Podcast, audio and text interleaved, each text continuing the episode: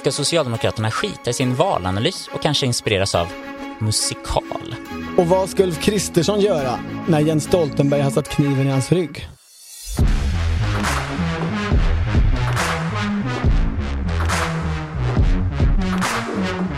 Ja, det här är Politiken med Torbjörn Nilsson. Och Henrik Torehammar. Mycket gripande.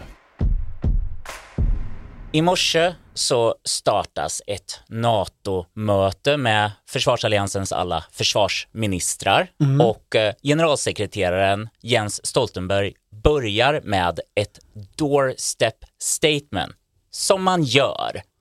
Så här lät det. The main question is not whether Finland and Sweden uh, are ratified together. Uh, the main question is that uh, they are both ratified as full members as soon as possible. Det folk fokuserar på nu är Huvudfrågan är inte att Finlands och Sveriges NATO-medlemskap ratificeras samtidigt, utan att bådas ansökningar ratificeras så fort som möjligt. Aha, säger den uppmärksamma. Betyder det här att generalsekreteraren öppnar upp för att Finland kan gå med i NATO före Sverige? Mm, ja, men det betyder det väl. Det, det är ju svårt att tolka det på något annat sätt. Alltså, vad har han för behov av att säga det här? Behovet är ju att här finns ett problem och det behöver väl ha sin lösning i att man skiljer de här ländernas process åt. Eh, annars hade han ju inte behövt säga det här överhuvudtaget. Alltså det här är en förändring. Linjen har ju varit från svensk, finsk och från NATO-ledningens sida. De här länderna ska med samtidigt. Det är en gemensam process. Ja, och vi ska säga att vi är ju en pågående nyhetshändelse här, eh, men motargumentet skulle kunna vara att han pratar ju bara om ratificering. Själva medlemskapet skulle ju kunna ske samtidigt ändå. Jo, men där är man ju, vad, vad är ett medlemskap i praktiken? När är man medlemmar? Alltså tittar man på den konkreta försvarsintegreringen med NATO, eh, den svenska försvarsintegreringen med NATO, så, så rullar den ju på. Här på det här toppmötet så ska det ju tas ett antal beslut om vad Sverige ska ha för uppgifter, Alltså Sverige har föreslagit vi kan göra det här och det här och, och, och det är man liksom inne i redan, så det rullar ju på ganska snabbt. Men det är ju ratificeringen som är det liksom avgörande politiska steget. Så, så det är ju inte ett litet steg utan det är själva steget.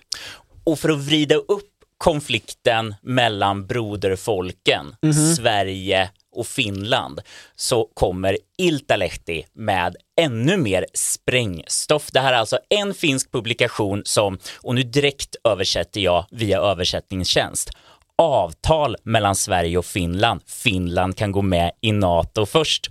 Och jag fortsätter citera. Möjligheten att Finland går med i NATO under våren utan Sverige har diskuterats mellan Finland och Sverige. Utrikes och säkerhetspolitiska källor bekräftar detta för Iltalehti. Ja men och, och i detta nu så har ju inte jättemånga medier eh, rewritat den här hi- historien. Iltalehti är ju en, en, en finsk kvällstidning och här har de ju bara anonyma källor. Men den här storyn som kom då före Stoltenbergs eh, utspel säger ju egentligen att det är klart att Finland och Sverige ska gå olika vägar. Förra veckan hade samma tidning eh, en artikel som hävdade att före jul så gjorde turkarna och finländarna upp om ett sådant förfarande.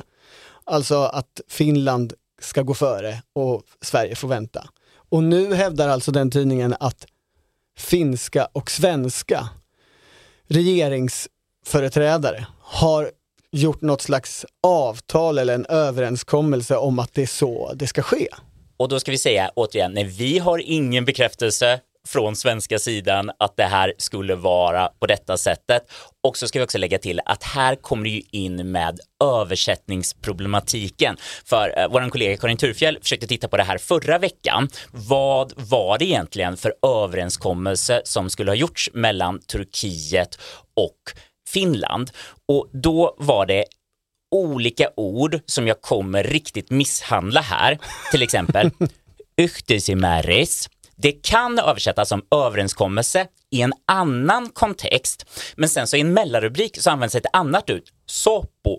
Och det är liksom ännu svårare vad SOPO eh, ska översättas till, för det är ungefär någonting som man är efter att man har bråkat. Eh, liksom, det betyder inte att man har en konsensus eller samsyn på någonting, utan bara att man är enig om att man inte längre ska bråka om just den här frågan. Så här får vi ytterligare en aspekt av vad var det egentligen som sades och hur ska vi förstå det? Eh, som, som svenskar så tycker vi att den här tvåspråkigheten i Finland är, är besvärande. Eh, alltså i Finland så är det ju mer bråk om huruvida man ska behöva lära sig svenska överhuvudtaget eller inte. Men vi tycker kanske att de, de kunde skippa själva finskan så vi begrep bättre. Men jag, jag känner igen hela den här översättningsproblematiken från vintern och våren och, och hela NATO-processen när, när alla partier som hade varit kritiska svängde, eller de flesta, både i Finland och i Sverige eh, grejen är ju att, att Iltalehti var ju nyhetsledande på NATO-processen i Finland. Först med väldigt många eh, saker. Alltså till exempel så skrev ju de men de var absolut först med, med finska socialdemokraternas omsvängning. Och eh, de, alltså i april så skrev de att Niinistö kommer fatta beslut om NATO de två första veckorna i, i maj. Och det var ju så det blev ihopkopplat med, med det svenska. Samtidigt så hade de nog fel vid något tillfälle också. I mars så skrev man att, att Finland och Sverige inte kommer söka medlemskap utan Major Non-NATO Ally status, alltså ett närmare samarbete. Och så var det ju inte det blev. Men det är ju en tidning som, till skillnad från många andra finska tidningar, uppfattar jag, eh, jobbar mer med anonyma källor och kontakter inne i eh, kanslihus eh, och presidentpalats.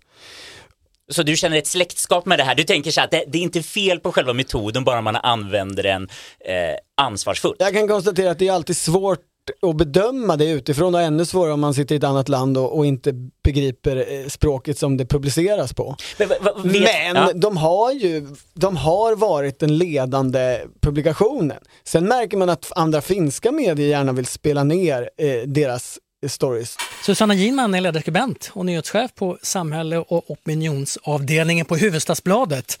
Eh, välkommen till Studio 1. Tack. Vad tänker du om de här eh, uppgifterna från Iltalehti? Nå, jag tänker att strikt taget så skriver de att, att uh, det har diskuterats om Finland skulle gå, kunna gå med tidigare. De skriver inte att man inom till exempel utrikes, utrikesförvaltningen eller bland beslutsfattarna anser att vi ska göra det. Så att det gäller att uh, läsa så att säga ordentligt. Eh, menar du att det här är Finlands stoppa pressarna? Att det är Nylén-nivå på liksom skvaller som ganska många gånger visar sig stämma och då är de nyhetsledande? Eller hur ska vi förstå Iltalehti? Äh, jag, jag uppfattar dem mer som Expressen och Aftonbladet. Men eh, framförallt så är situationen den här, de har de här historierna. Eh, om detaljerna i dem är riktiga eh, kan vi inte bekräfta. Men Jens Stoltenberg, NATO-chefen, går samma dag som de har den här storyn ut och säger det är inte viktigt att Finland och Sverige ratificerar samtidigt. Alltså detaljerna i avtal och överenskommelser och uppgörelser, de är svåra att, att, greppa här. Men det är ju helt tydligt att det finns en rörelse som separerar den finska och den svenska NATO-processen. Det bekräftas av NATO-chefen. Okej, du, är det lite en sån vad kallas det, uh, conscious uncoupling. Det här uh, som när Gwyneth Paltrow uh, försöker göra sin skilsmässa lite mer härlig och, och menar så här att nej men nu, nu delar vi på oss och vi går bredvid varandra. hur var det nu den finska utrikesministern uttryckte det, att vi skulle vandra samman hand i hand. Jag fick liksom bilden av att han såg det lite så här, så nu ska vi gifta oss. Men, men nu verkar det som att nej, vi ska inte gå samman hand i hand här. Ja, men lite så. Och framförallt så blir det ju liksom en prestigeförlust eh, för NATO gentemot Ryssland. Ju längre och ju mer krånglig och invecklad den här processen blir. Och det ser den ju nu ut att bli. Va- varför, varför vinner Ryssland på detta? Ja, men eh, dels, dels är liksom hur stark och välfungerande är egentligen organisationen NATO politiskt. Eh, det är ju inte första gången som det liksom är problem politiskt i NATO. Och man är ganska skickliga om man tittar historiskt på att liksom komma på nödlösningar eh, och, och få det att fungera. Men det är ju ändå vid ett annat läge nu eh, med, med pågående krig i Europa. Och, och, och sen så är det ju, det, det finns ju ett avgörande försvarsplaneringsproblem här. Alltså, om man tittar på NATO-länder idag och nuvarande, liksom kartan över Europa. Så Ska vi det- möpa oss? Är det dit vi ska nu? Eh, kanske. Här, då finns det ett land som heter Polen. Ja. Är du med på? Och nordväst om Polen så ligger eh, Kaliningrad, den här lilla ryska biten vid Östersjön. Och nordöst om Polen så ligger Vitryssland. Och sen mitt emellan där så finns det en landremsa. Den kallas Suwalki-korridoren. Och det är ju idag det enda sättet för NATO att försörja de tre baltiska medlemsländerna om det skulle bli krig med Ryssland. Alltså med ammunition och vapen och vad du, grejer som de behöver för att kriga och överleva. Och det är ju jättesvårt. När de baltiska länderna försökte ta sig in i NATO så fanns det ju väldigt många länder som sa nej och bland annat använde den här argumentationen. Att de är helt enkelt inte, den här lilla la- landremsan som ligger lite som en ändtarm för NATO-territoriet, den är inte möjlig att eh, försvara. Så, så det, vi kan inte ta med dem. Nu kommer de med ändå. Men motsvarande problem blir det ju om Finland går med först. Eh, Då får man in- åka via Norge. Sverige har någon Ja. slags, ja, antingen så får man då eh, använda den här Suwalki-korridoren och, och köra ännu längre upp till Finland eh, via baltiska länder. Eller så får man försörja, den, försörja Finland vid en krigssituation från, från liksom Nordkalotten. Och alla som har, liksom, har fördjupat sig på något sätt i, i, i de, de slag som var under andra världskriget där på Nordkalotten är väl medvetna om att territoriet eh, där mellan nordligaste Norge och nordligaste Finland är inte alldeles enkelt. Det är kärr och berg och elände. Det, det lärde sig både tyskar och ryssar under andra världskriget. Så liksom det skulle utav väldigt praktiska skäl behövas ett avlångt Sverige emellan med sitt vatten, med sina öar för att få över grejer. Här skulle det köras båtar, jättemycket båtar från, från liksom svenska ostkusten över till Baltikum och Finland där en konflikt väl skulle spelas ut i, i första läget. Okej, nu är vi inne i de praktiska effekterna här, men eh, det här är ju ändå en podd om egentligen vem som vinner och förlorar inrikespolitiskt på detta. Eh, och om jag får börja med en motargumentation mot att, eh, och det är inte egentligen inrikespolitiskt, men lite större säkerhetspolitiskt, så säger så här, att NATO försvagas eh, mot Ryssland om man släpper in Finland före Sverige. Alltså, kan vi inte tänka lite så här, vilken nivå vi jämför med? När det var Trump som var president, då var det typ NATO, ska det ens finnas? Eh, jag tror att eh, Macron har kallat i princip NATO hjärndött. Så att jag menar, de har ju rest ganska mycket till att plötsligt ha en gemensamt fokus att göra saker. Eh, meningen med föreningen är klart mycket tydligare. Ja det har den blivit och den blev det ju särskilt sen, sen förra stora NATO-mötet, alltså där, där, där svenskarna och finländarna ansökte. Där togs ju också den nya strategin där, där det blir mycket tydligare. Grunduppgiften är territoriet och sammanhållning och sådär. Eh, så, så det har ju verkligen en, en positiv konjunktur. Men för Sverige så är ju Stoltenbergs ord ett dråpslag. Alltså om man tittar till att börja med på Iltalehti-publiceringarna. Där blir ju så att säga frågan om, okej, har finländarna och Turkiet gjort någon slags deal om att Finland ska få gå före? Har sen Finland förankrat den med Sverige? Då Eller är det bara ett soppo? Ja, och då är frågan så här. Eh, hugger Niinistö Kristersson i ryggen här? Överger Niinistö eh, Kristersson? Det är det som har varit i svang senaste veckorna.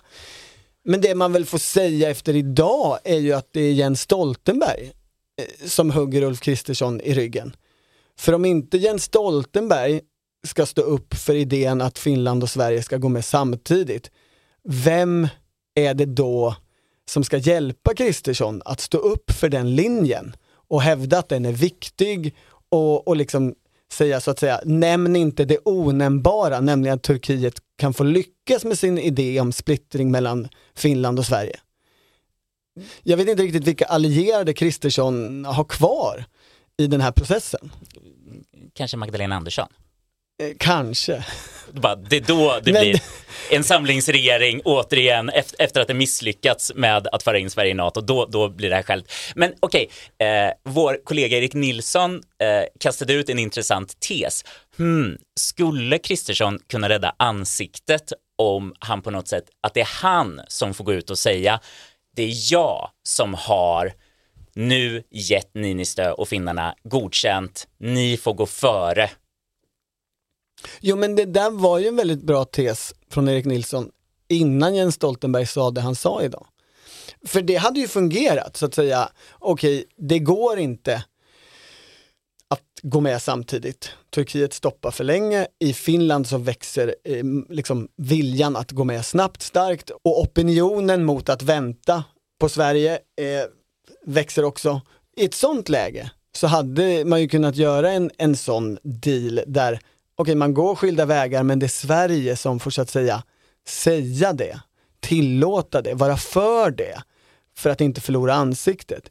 Men nu har ju Jens Stoltenberg öppnat på den här dörren. Och det är inte Ulf Kristersson som öppnar på den, utan han öppnar ju på den och ja, Sverige står ju där liksom relativt försvagat och förnedrat i processen. Eh, vad, vad finns kvar att hålla sig i egentligen? Logiken du har är ju i grunden obegriplig. Jag har sagt det till dig innan och säger det igen. Logiken du har är ju Tired of ads barging into your favorite news podcasts? Good news. Ad-free listening is available on Amazon Music for all the music plus top podcasts included with your Prime membership. Stay up to date on everything newsworthy by downloading the Amazon Music app for free or go to amazon.com slash news ad free. That's amazon.com slash news ad free to catch up on the latest episodes without the ads. Igår så fick jag ett mejl som gjorde mig så överlycklig. Det var från Stadsteatern i Stockholm som sa Vill du gå på smygpremiär utav Socialdemokraterna The Musical? Och då skickade de med en liten bild utav, nej, nej, det är alltså inget skämt, utan det, det ska göras en musikal om Socialdemokraterna. alltså, eh, jag citerar från pressmeddelandet. Det skrivs många musikaler om kärlek, men alldeles för få om budgetprocesser. Okej. Okej, eh, och bakgrunden vi får här, det, här, det är alltså någonting som om några veckor ska man få gå på en smygpremiär, vi journalister, och sen så kommer det här gå i mars. Men som sagt, det var ju någonting lite i min person som skrek när jag hörde det här, eh, själva gränslandet mellan politik och inte bara teater utan musikalisk teater. För jag läser återigen här, dagen efter valet, makten är förlorad och gravölen är slut. Eller är det mer än så? Nio vilsna arbetsmyror i arbetarpartiets maktkrets försöker förstå vad det var som gick fel. Partiet står nu vid ett vägskäl och söker sin nya roll i en ny framtid. Föreställningen är genomkomponerad, det vill säga att alla repliker sjungs fram. Okej, Mus- musikteater, Ja. musikalisk teater, eh, musikal kan man rent utav kalla det hela. Och den här bilden som skickades med, då ser vi eh, Frida Hallgren, Eh, det, ja, det är en skådespelare, förstår Ja, precis, känd från liksom, riktiga eh, tv-succéer som framförallt Klassliv, tänker jag, från 80-talet. Men kanske också lite senare. Eh, du känner igen henne jag. som. Klassliv känner jag igen. Mm, och Eh, Men därefter har jag noll koll på hennes karriär. Men det är ju, den bild du visar här är ju tre stycken personer. Ja, vi, vi har eh, Hani Arabi som Benjamin och eh, som Christian Albin Oke, tidigare Och de ser ut liksom som politiker ska se ut. De bröstar upp sig, armarna i kors och sådär. Alltså jag- Som Magdalena Andersson gjorde. Ja men precis, man, man kan tänka sig att Frida känns ganska mycket som en partiordförande Ja. typ. Eh, bredvid, det skulle ju kunna vara lite, eh, ja, Ibrahim Baylan-känsla. Eh, och jag vet inte riktigt vem som har lite längre och det ser ut som att det är hår i en knut på den ena eller mm, kanske övertolkar just de här karaktärerna som lyfts fram. Det är intressant det här som läggs i bakgrunden för det är så mycket olika små samtidskommentarer. Det, Ja, det är vindkraftverk och en, en falukorv och En liten- jasplan och en flicka med falukorv. Det kommer, eh, på sidan är det eh, en sån här vattenpipa, så det kommer vara multikulti, det kommer handla om energi eh, och också i bakgrunden ser man drönare som kommer med valpar. Är det Corona-valpar som ska släppas ner över svenska folket och är det här en kommentar om helikopterpengar och vad som händer när man öser ut saker i ett system som, nej jag vet inte, det, det är en spännande tolkning. Jag, jag tänker mest på att den här affischen för musikalen är ju väldigt lik en annan affisch som Socialdemokraterna själva har eh, använt eh, i veckan. De, de hade ju ett seminarium i veckan, Socialdemokraterna, som, som hette Socialdemokratins idébärare. Och affischen är också så här dramatisk, Ing, inga grejer i bakgrunden men, men en dramatisk himmel.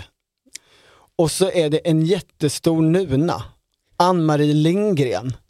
Eh, hon har ju aldrig varit eh, liksom, känd politiker, förtroendevald, men en jätteviktig tjänsteman i partiet under många år. Och sen så är det liksom en massa människor runt omkring henne. Magdalena Andersson, Ingvar Carlsson och Tobias Baudin och några till. Och det, det, det är i alla fall samma liksom eh, maktstämningskänsla. jag kan ju eventuellt också varit ute på Twitter och eh, poängterat likheten här emellan har du dessa. redan gjort det här? Ja, jag, det, men- jag har inte sett det. Nej, men du gjorde ju något ännu att, bättre. jag- förlåt att jag var sen på bollen. Eh, Jag vill bara säga att eh, du, vi har ju inte kunnat gå på den här musikalteatern som inte haft ens smygpremiär innan, men du har varit på det här seminariet. Ja, om- just det. Va, hur var detta?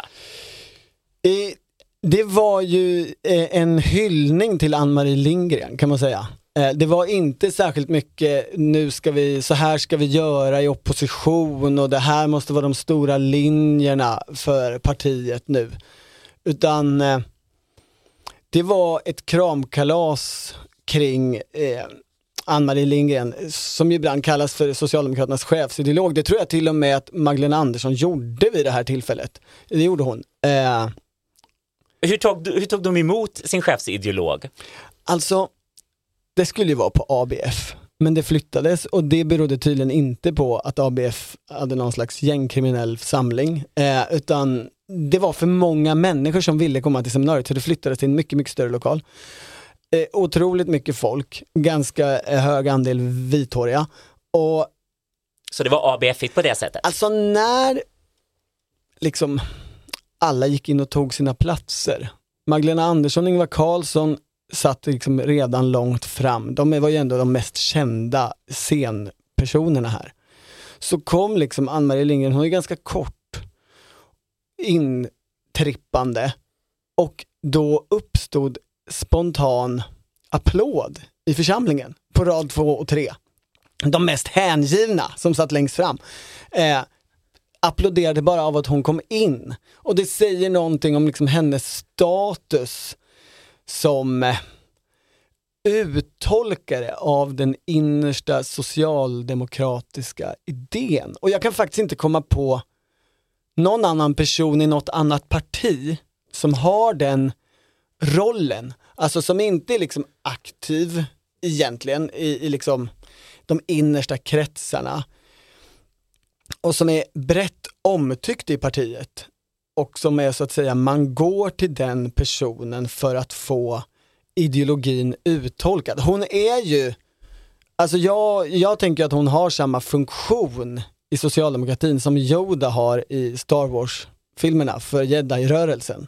Och hon pratar lika dåligt grammatiskt? Nej, hon byter ju, Yodas grej är väl att byta plats på eh, subjekt och predikat och sådär. Eh, det, den karaktäristiken har hon ju inte, men hon har ju en karaktäristik av att tala i tydliga gåtor.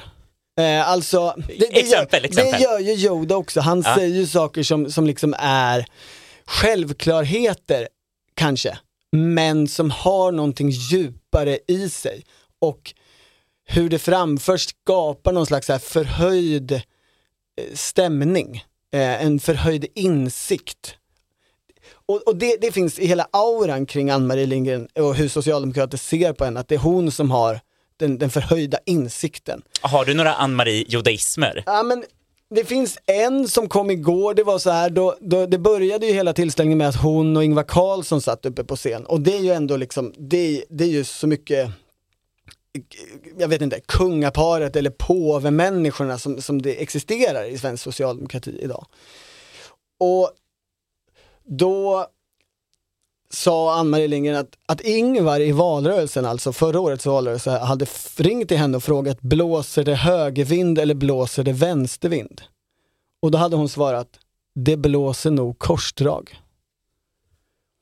Och det är så att det, det är en Yodaism tänker jag, alltså partiets tyngsta levande politiker, eh, Ingvar Carlsson, ringer till Yoda och frågar, är det högervind eller vänstervind? Och får svaret, det är korsdrag, Ingvar det är nog korsdrag. Och eh, liksom, hon har också sådana lärare, hon höll på mycket med det nödvändiga versus det önskvärda. Alltså vad kan en socialdemokratisk rörelse göra? Vilket ska man välja? Det som är nödvändigt eller vad är önskvärt? Och försöka sortera upp det. Det, det är alltid lite gåtfullt, lite orakelstämning eh, när hon talar. Men, Okej, men, men förlåt, men det är inte det Socialdemokraterna Moderaternas poäng att man gör det möjliga, man gör reformen, man väljer alltid det lilla som går att göra. Jo, och det, det har du nog rätt i. Och, och det var nog det som hände på det här seminariet, att, att de fick ett, ett fast golv om en enighet kring en sak, nämligen att de parlamentariska förutsättningarna för vänsterpolitik har varit urusla sedan 2006. För där har de betydligt bättre pizza än vad de har någon annanstans. Bättre pizza, bättre pizza.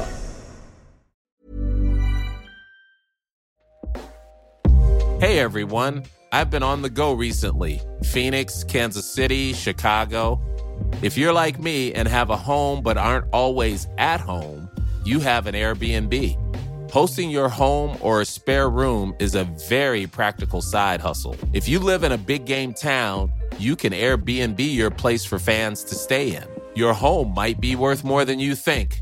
Find out how much at airbnb.com/slash host.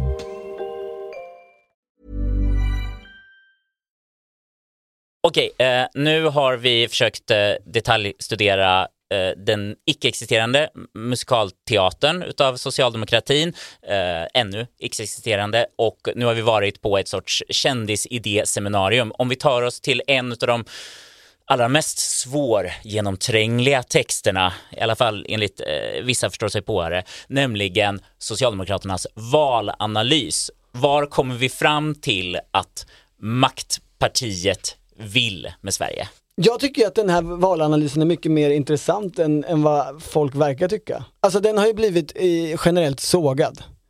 I andra poddar så har man sagt att det varit jobbigt att läsa den, den är 37 sidor lång, det är inte så jättelångt.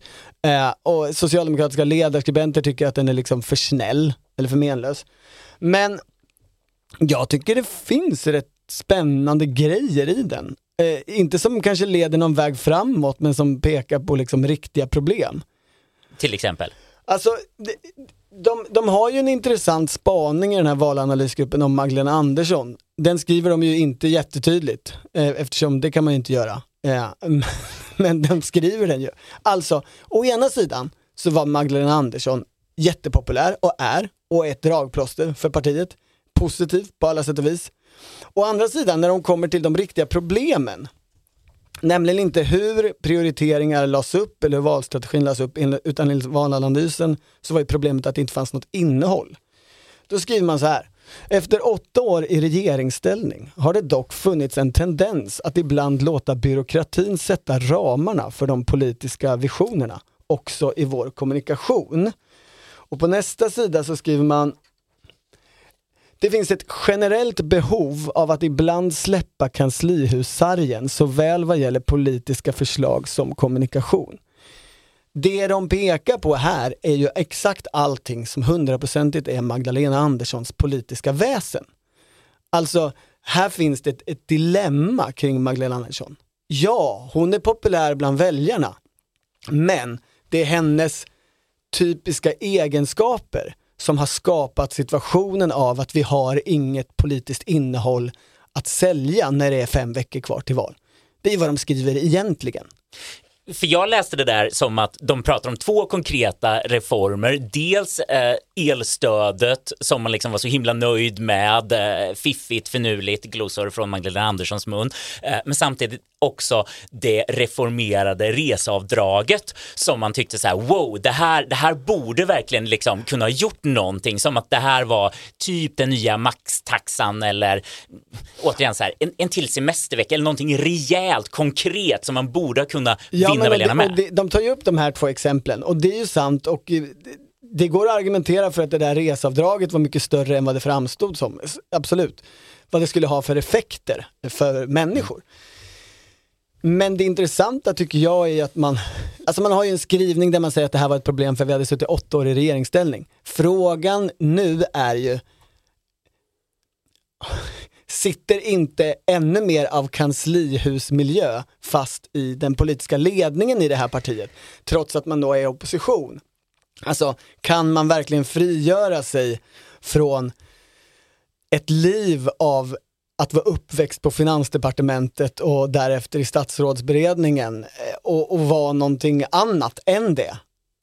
Det, det, det, det liksom, man är ju tydliga med att Magdalena Andersson har en, en negativ sida. Sen skriver man inte ut att det här är Magdalena Andersson, men man säger ju släppa kanslihussargen. Det kan inte handla om någon annan än henne. För jag var ändå imponerad av att man ändå erkände vi förlorade valet. För på ett sätt så har ju också verkligen kommunikationen från ledningen varit att nej men vi gick ju framåt. Det var de ju andra partierna i vårt tilltänkta regeringsunderlag som kanske inte ens skulle vara vårt tilltänkta regeringsunderlag som gjorde att eh, Magdalena Andersson inte längre är statsminister. Och det är det här som många, framförallt inom socialdemokratin och kanske mer på vänsterkanten säger att så här, det här är det stora problemet. Att om man inte börjar i en känsla frågan, vi har förlorat, då finns det väldigt få skäl till att förändra sig, att komma på en ny politik, att hitta olika sätt framåt. Och där är det väl jätteproblematiskt att, att så här tjusas utav opinionssiffror som nästan går in på det som man skriver, liksom sista punkten som man rekommenderar, nämligen vi ska ha ett mål om 40 procent. Man bara, men ni ligger ju 37, vissa 38 procent. Ni ligger ju så här jättenära på att inte ha gjort någonting. Och då är ju frågan, om någonting annat händer i verkligheten, då, då kanske det här liksom S-bubblan verkligen krackelerar om det inte finns en tydlig förändring. Men frågan är också då, vilken sorts förändring är det de här äh, som vill se vi förlorade och därför måste vi göra något annat? Ja men det, det, där är ju valanalysen, alltså det, det är inte som att den pekar ut en väg och det är väl kanske det människor som läser den saknar. Men den pekar ju rätt tydligt ut problem. Alltså, man försöker ju besvara frågan om det går att bygga en bred väljarkoalition med ett ja, men tar ju fram allting som talar för ett nej. Bland annat att man splittrar liksom väljarunderlaget med den politik man har. Alltså, ja vi kunde locka människor med hög utbildning, eh, men vi hade svårare att locka människor med lägre utbildning. Det, liksom LO-flykten, den som har varit liksom på tal i ja, ett decennium åtminstone, men med intensifierad kraft senaste mandatperioden. Men det man snuddar vid, som en del kommentatorer har varit inne på, eh, socialdemokraten Fredrik Jansson till exempel, ja, skrev en väldigt intressant kort liten påpekande. Alltså, det är ju inte bara det att man så att säga trycker bort arbetarklass genom en politik som kanske är för medelklassig, om vi tar breda penslar här. Det är ju också så att idag splittras ju arbetarklassen av Socialdemokraterna. Alltså det är väldigt svårt att så att säga, arbetarklassen är ju bredare än vita män som ogillar invandring och vill köra sin dieselbil eh, hemma i Falkenberg. Eh, det är ju också lika mycket arbetarklass liksom i, i stora delar av de stora städernas förorter, ofta etnifierad. Hur hittar man en politik idag som samlar de grupperna? Det är ju det man har misslyckats med i någon mening. Mm. Och ska man bli danska Socialdemokraterna, då säger vissa så här, det skulle betyda att man skulle behöva välja, då kommer vi förlora förorterna. Och då är frågan så här, ett, kommer de liksom grupperna välja ett annat parti till vänster? Är man redo att göra det liksom offrandet och tänka att ja, ja, men då kommer vi ändå ha en majoritet på vår sida? Eller kommer det leda till att eh, folk slutar rösta, folk slutar engagera sig, känner sig, nej men alla partier är liksom emot oss, eller till och med mer radikalisering och polarisering. Så eh, det är inga lätta avvägningar man har om man ska titta framåt. Eh, nej, och det, det, där tycker jag att den här valanalysen är intressantare än man tror. Sen, sen är det ju, du efterfrågar, blir det någon liksom riktig förändring? Och där kan man väl på en metanivå, tycker jag, ja men det är ju något i hela det mediala mottagandet och mottagandet i partier av valanalyser som gör, får en att liksom fundera på vad är ens en valanalys och vad har det för funktion? Jag ringde Bo Toresson. Han, han var socialdemokratisk partisekreterare mellan ja men kanske 82 till 90 någonting, 4, 91, jag vet inte. Nå- Det tidsspannet någon gång. Och frågade honom när började man göra valanalyser i Socialdemokraterna? Och han sa eh, att han, han kunde nog landa i att den första valanalys man gjorde, som alltså var en grupp som tillsattes för att studera valresultatet och dra slutsatser av det, det var 1991. Innan dess gjorde man ju aldrig valanalyser. Tror jag inte i något parti. Eh, här här, här ehm, får gärna lyssnare komma in med kompletterande information. Men innan dess så var det ju liksom ledningen i ett parti, typ VU eller AU eller partistyrelsen som snackade om ja, hur, hur gick det då i valet och vad var det vi gjorde fel och vad gjorde vi rätt och sen liksom långsamt arbetade upp en, en gemensam liksom grund för vad är problemet, vad ska göras. Och då blev ju den ganska lätt implementerad för att den fanns ju i liksom topporganet i partiet. Nu är det ju outsourcat till några kloka tänkare som ska representera olika delar av landet och ålder och ja, det, kön och allt möjligt. Och sen så ska, ja, kommer de fram till något.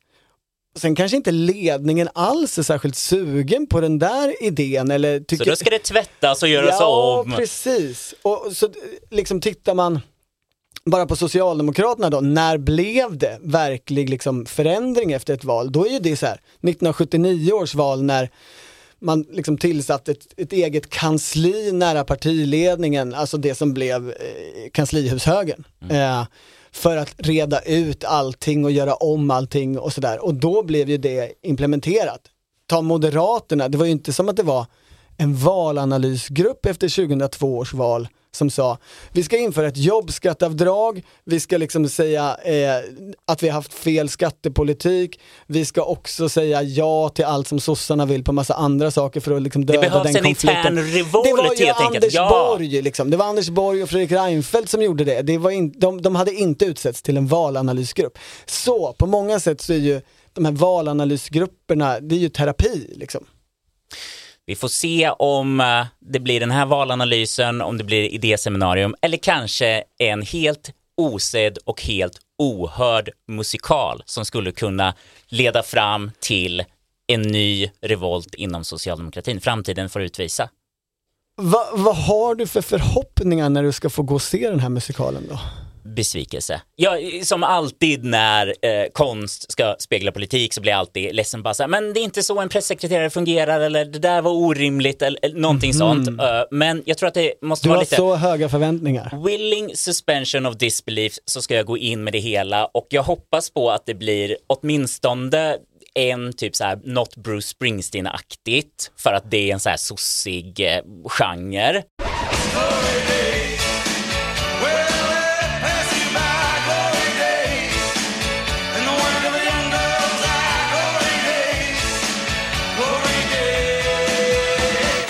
Jag drömmer ju om att få höra SSU-dängan.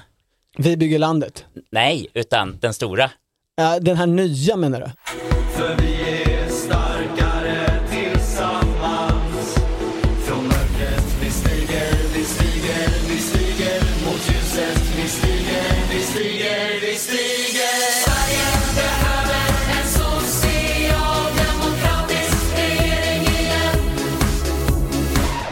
Alltså själva sloganen är ju inte så ny för den är från 90-talet. Men Ja. låten är ju ny. Okej, eh, den där som du sa, vad var det för någon? Vi bygger landet. Ingen aning när den skrevs men det, det är ju liksom partiprogrammet i musikalisk form.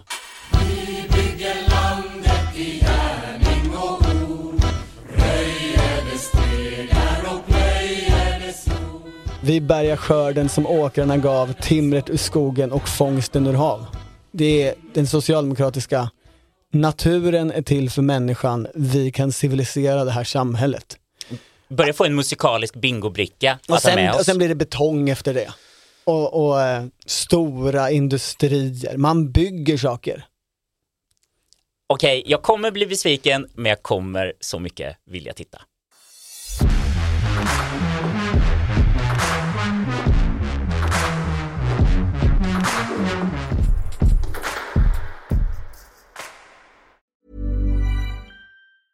Hi, my name is Danny Pellegrino from Everything Iconic, and I'm excited to talk to you about Club Med. Club Med operates beach and mountain resorts and is the best all inclusive getaway for families. They have Club Med Punta Cana, their flagship family resort, and many other options in Mexico, the Caribbean, and around the world. Club Med are the pioneers of the all inclusive concept, which is the best way to vacation. Great for families, groups, or even solo travelers looking for land and water sports, delicious food, and a place to make unforgettable memories. Visit clubmed.us, call 1 800 Club Med, or your travel advisor.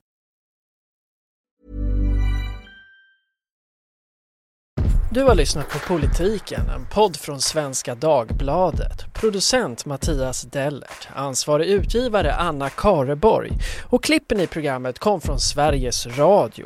Musiken kom från Bruce Springsteen, Monica Zetterlund och Torstein Bergman och SSU.